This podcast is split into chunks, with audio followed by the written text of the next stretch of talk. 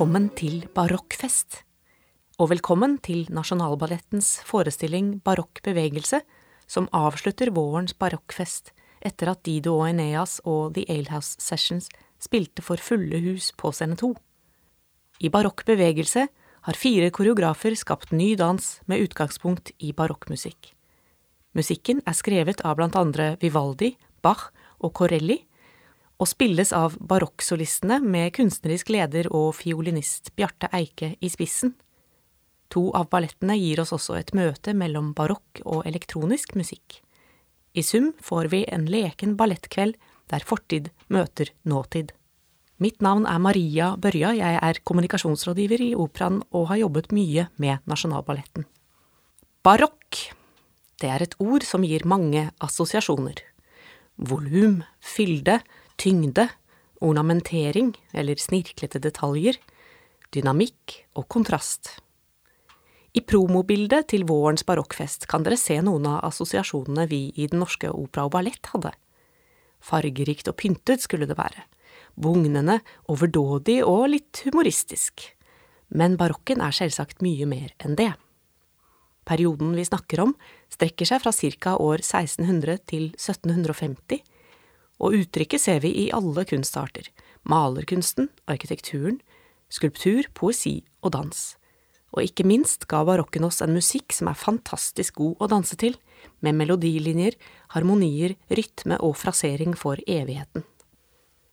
Forbausende ofte har denne gamle musikken vært utgangspunktet når ballettens moderne mestere har skapt dans. Både George Balanchine, Jiri Kylian, Nacho Duato og William Forsythe har skapt uforglemmelige verker til barokkmusikk. Denne gangen har ballettsjef Ingrid Lorentzen gitt scenen til fire koreografer under 35 år. Kina Espejord, Melissa Haug, Gareth Smith og Liam Scarlett. De tre førstnevnte har skapt hvert sitt nye verk, med hver sin tematikk. Imens står Scarlett for kveldens ene gjensyn, Vespertine fra 2013. Barokken er både en epoke, en estetikk, en følelse og en livsstil. Barokken bygde på renessansen, som var en gjenoppdagelse av antikkens idealer, men barokken var samtidig en motreaksjon på renessansens idealer om harmoni og nøysomhet. Noen eksempler kan hjelpe oss å se overgangen.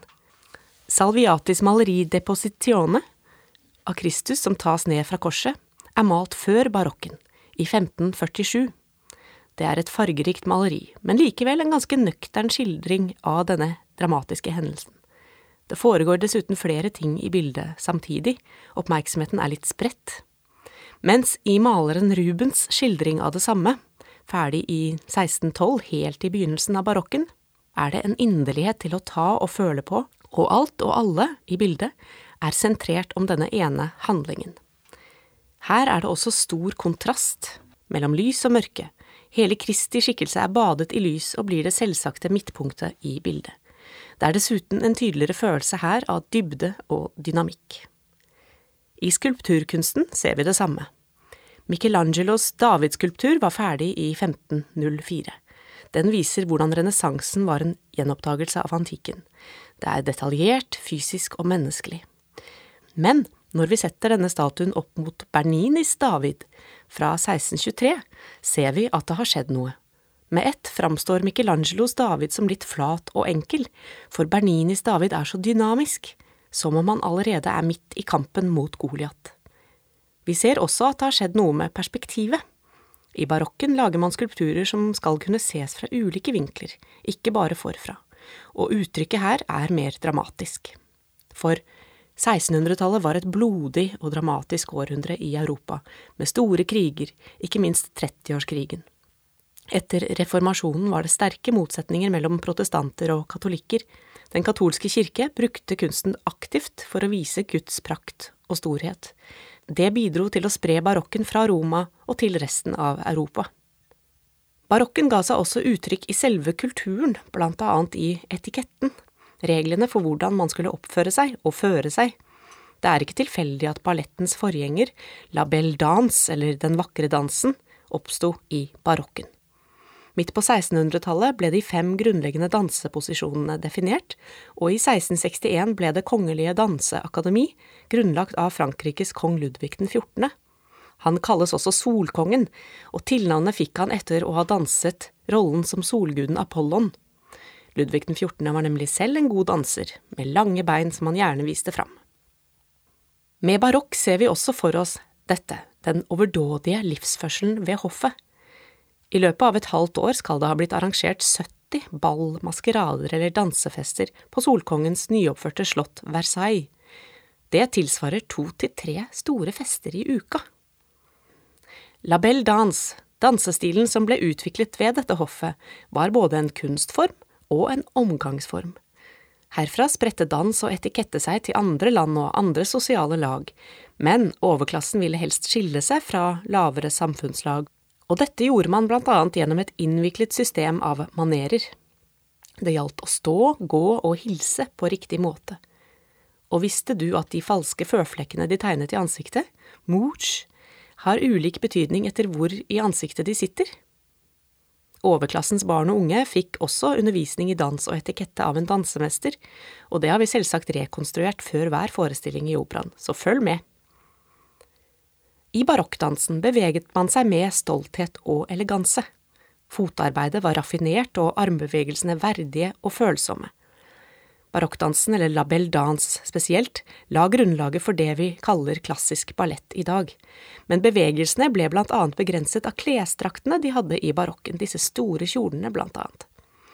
Danseuttrykket var derfor mer kompakt, detaljert og vertikalt enn den klassiske balletten som mot slutten av 1700-tallet avløste barokkdansen. Nesten all barokkmusikk har sin opprinnelse i dans. Det påstår Bjarte Eike, kunstnerisk leder og spillende fiolinist i barokksolistene som spiller til dans i kveld. Barokksolistene spiller på instrumenter fra barokken, og de dyrker rytmen, pulsen og svingen i musikken. Og det høres jo nesten ut som folkemusikk, tenker du kanskje? Eike forklarer. Helt forenklet, sier han, kan man si at i barokken begynte musikk å komme på moten utenom klostrene og kirkene. Musikken var ikke lenger bare til forherligelse for Gud, derimot ble det inn for overklassen å holde musikere. Da inviterte man de beste gatemusikantene inn på hoffene, og der spilte de det som var populært på gata, altså folkemusikk, og så ble det opphøyet til kunstmusikk, sier han. Det er også morsomt å vite at barokkens komponister selv kunne danse. Det sies derfor gjerne at man kan gjenfinne musikkens rytmer og ornamentering i dansens trinn, Sagt på en annen måte, man kan høre dansen i musikken og se musikken i dansen. Hva var nytt med denne barokkmusikken? Jo, i renessansen ble flere melodier sunget samtidig, slik at en mengde stemmer blandet seg til en stor vev eller en stor klang, også kalt polyfoni. I barokken blir denne store, brede klangen erstattet av én hovedstemme, for å la teksten dominere og slik utviklet vokalmusikken seg kraftig, i sjangere som operaer, oratorier og kantater. Men også orkesteret utviklet seg veldig, kort fortalt fordi instrumentene ble bedre. Instrumenter som slo gjennom i barokken er blant annet fiolin, cello, tverrfløyte, klarinett, fagott, obo, trompet og trombone. Nytt var også utviklingen av basso continuo, også kalt generalbassen, i dette ligger det at basslinjen nå blir sterkt vektlagt. Ja, den blir grunnlaget for harmoniene, og gir slik rom for blant annet improvisasjon. Generalbassen ga dessuten musikken kraft og regelmessighet. Barokkens komponister jobbet og tenkte på en annen måte enn dagens komponister, forteller Bjarte Eike.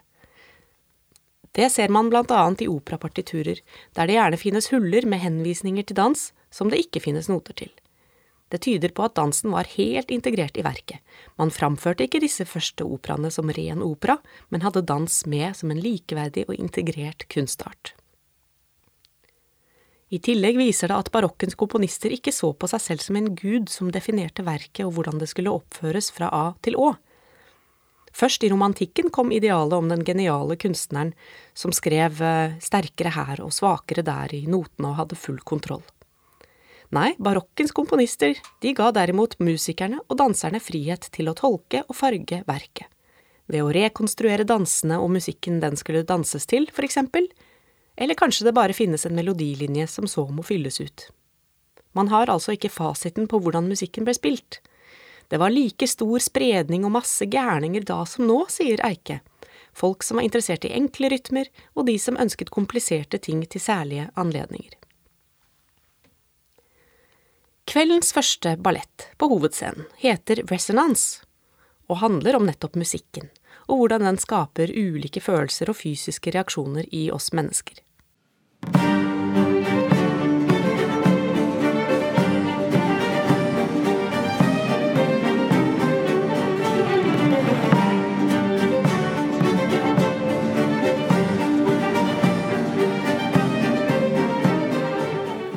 Musikken har alltid eksistert og er en så stor del av samfunnet, sier koreograf Gareth Smith. Han har valgt seg ut stykker av blant andre Rameau fra Frankrike og Vivaldi fra Italia, blant annet utdrag fra det i dag så berømte verket De fire årstider. Gareth Smith er fra Salt Lake City i Utah i USA. Han danset i Houston Ballet før han kom til Nasjonalballetten som danser i 2012, men siden 2007 har han også jobbet som koreograf og skapt verker for Houston Ballet, Nasjonalballetten og New York City Ballet. Med Resonance håper han å gi publikum ulike følelser, sitat, slik musikk kan være både nysgjerrig, mystisk og arrogant, få oss til å le og til å ville danse. Han leker seg også litt med noe av det vi skal se mer av i neste ballett, nemlig fekting. Fekting var utbredt i barokken, og det finnes en teori om at fektekunsten med sin linjeføring, presisjon og koordinasjon, var en forgjenger for dansen som siden skulle utvikle seg til ballett. Dette har inspirert koreograf Melissa Haug, som til barokk bevegelse har skapt balletten Bout of the Imperfect Pearl. Tittelen betyr Kampen om den ufullkomne perlen, og peker til både fektekunsten og barokken. Bout brukes om en fektekamp, og barokk sies å komme fra det portugisiske ordet barocco, som betyr ufullkommen eller ufullkommen perle. Melissa Haug er solist i Nasjonalballetten med bakgrunn fra Houston Ballet og Boston Ballet. Så langt denne sesongen har hun danset Manot, Odette Odile i Svanesjøen og rollen som Ildfuglen. Men innimellom disse krevende hovedrollene tok koreografen Haug med seg sin ballett Epic Short og 22 dansere til St. Petersburg på turné. I Bout of the Imperfect Pearl har Haug vridd på oppgaven om å skape dans til barokkmusikk. Hun bruker fire stykker av Vivaldi, deriblant vokalmusikk, og kombinerer den med elektronisk musikk skapt av Jon Balke i samarbeid med Bjarte Eike. Balletten handler om en kvinnes reise etter å ha opplevd et svik.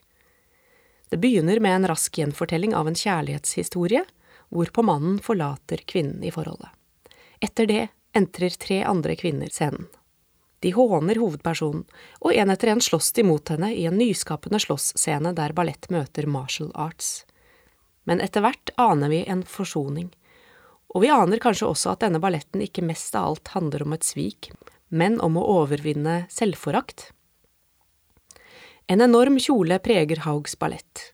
Den er en synlig referanse til barokken, og en slags rustning hovedpersonen tar på seg etter å ha blitt såret. Selv ser Haug verket som et abstrakt bilde på et svik, for det finnes også andre måter å føle seg sveket på enn i kjærligheten, for eksempel av kroppen. Dermed får vi en overgang til neste verk. I How Did I Get Where tar Kina Espejord tak i det å miste hukommelsen sin, minnene sine og til slutt kanskje seg selv. Demens beskrives av mange som den nye folkesykdommen. Den kan ramme hvem som helst, og rammer stadig flere yngre mennesker. Espejord har i arbeidet med denne balletten besøkt et senter for demenspasienter flere ganger. Hun har intervjuet pasienter og pårørende og snakket med venner som har demens i familien. Fellesnevnerne i historiene er mange. Det som tidligere var trygt og selvfølgelig, blir plutselig nytt og uforutsigbart, og det kan oppleves skremmende. Noen kan føle det som en lettelse når de får diagnosen og endelig skjønner hva som er galt, men andre blir også deprimert. Espejord har danset i Nasjonalballetten siden 2004, men hun har lenge også jobbet som koreograf. Hun er to ganger nominert til Kritikerprisen, og fikk den i 2014 for koreografien til Ghosts, Ibsens gjengangere, som hun skapte sammen med regissør Marit Moum Aune. Ghosts har blitt en stor suksess for Nasjonalballetten, som siden har danset den ved en rekke scener i tre verdensdeler. Espejord går abstrakt til verks. Hun vil utforske tilstanden når man er hele seg og likevel ikke seg. Sitat, det å leve med at hodet ditt ikke føles ditt mer, og at ting du identifiserte deg med, blir borte for deg. Hvem er man da, spør hun. I balletten ser vi hvordan alle er avhengige av hverandre, som om de er én organisme, én kropp eller en hjerne. Et stort bilde forvitrer, lydbildet er uklart. Espejord er den koreografen i kveld som i størst grad bruker barokken som et utgangspunkt. Lydbildet består for det meste av en ny komposisjon av Jon Balke og Bjarte Eike, der deler også er lagd med matpapir. Først etter hvert trer Bachs cembalo-konsert i F-moll gradvis fram, her spilt av Bjarte Eike på fiolin.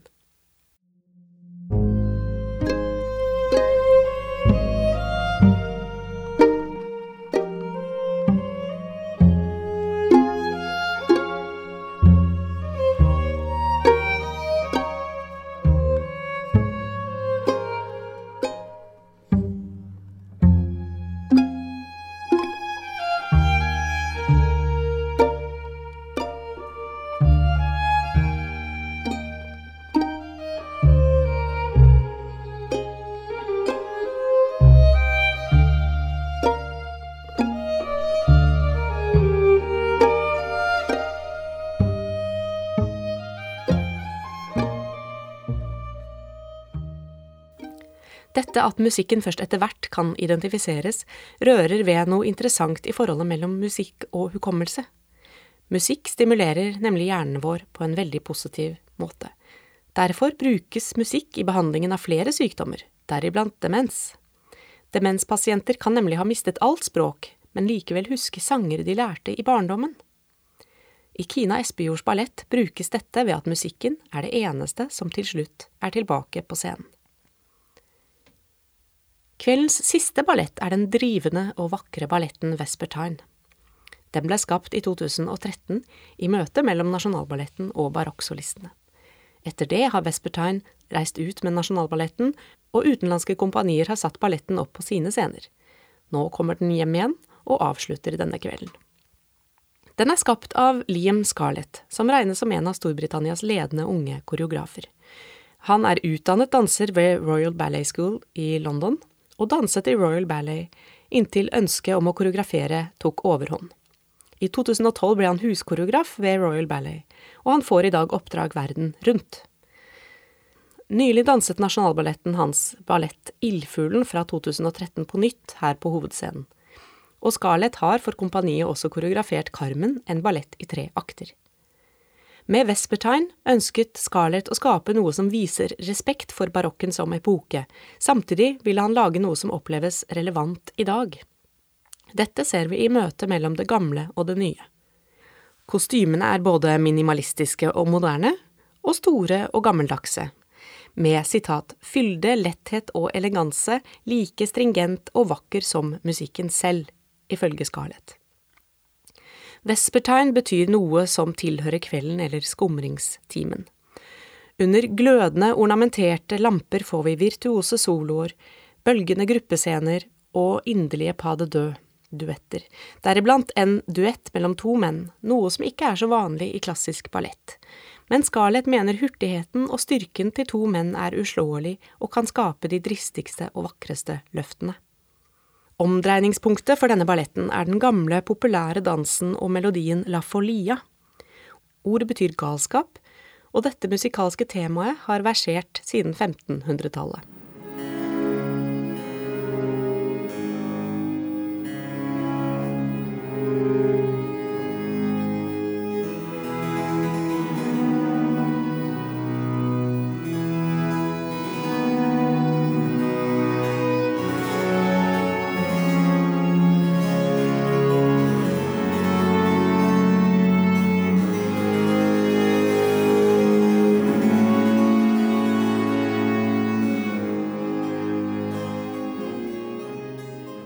Temaet er første gang nedtegnet i 1577, og siden har over 150 komponister gjenbrukt det. deriblant Corelli, som vi hører i Vespertine, men også Vivaldi, Bach og Beethoven, og komponisten Max Richter. Bjarte Eike leker seg dessuten med temaet selv, i en ny komposisjon i denne balletten. Vespertine er en abstraksjon av barokken som periode, sier Scarlett, inspirert av harmoniene, kontrasteringen og stemningen musikkstykkene skaper. Hele barokken var i seg selv en periode der kunst inspirerte musikk, som inspirerte billedhuggerkunsten, som inspirerte klesstilen, som igjen inspirerte en hel livsstil. Det er en tid som aldri vil komme tilbake, men som aldri vil bli glemt, sier han. Og med det ønsker jeg deg en riktig fin kveld. Stor og fyldig, men også nær og personlig, med både humor og inderlighet. Og kanskje du plukker opp en og annen bevegelse å bruke i hverdagslivet, slik barokkmennesket gjorde? Tusen takk for meg.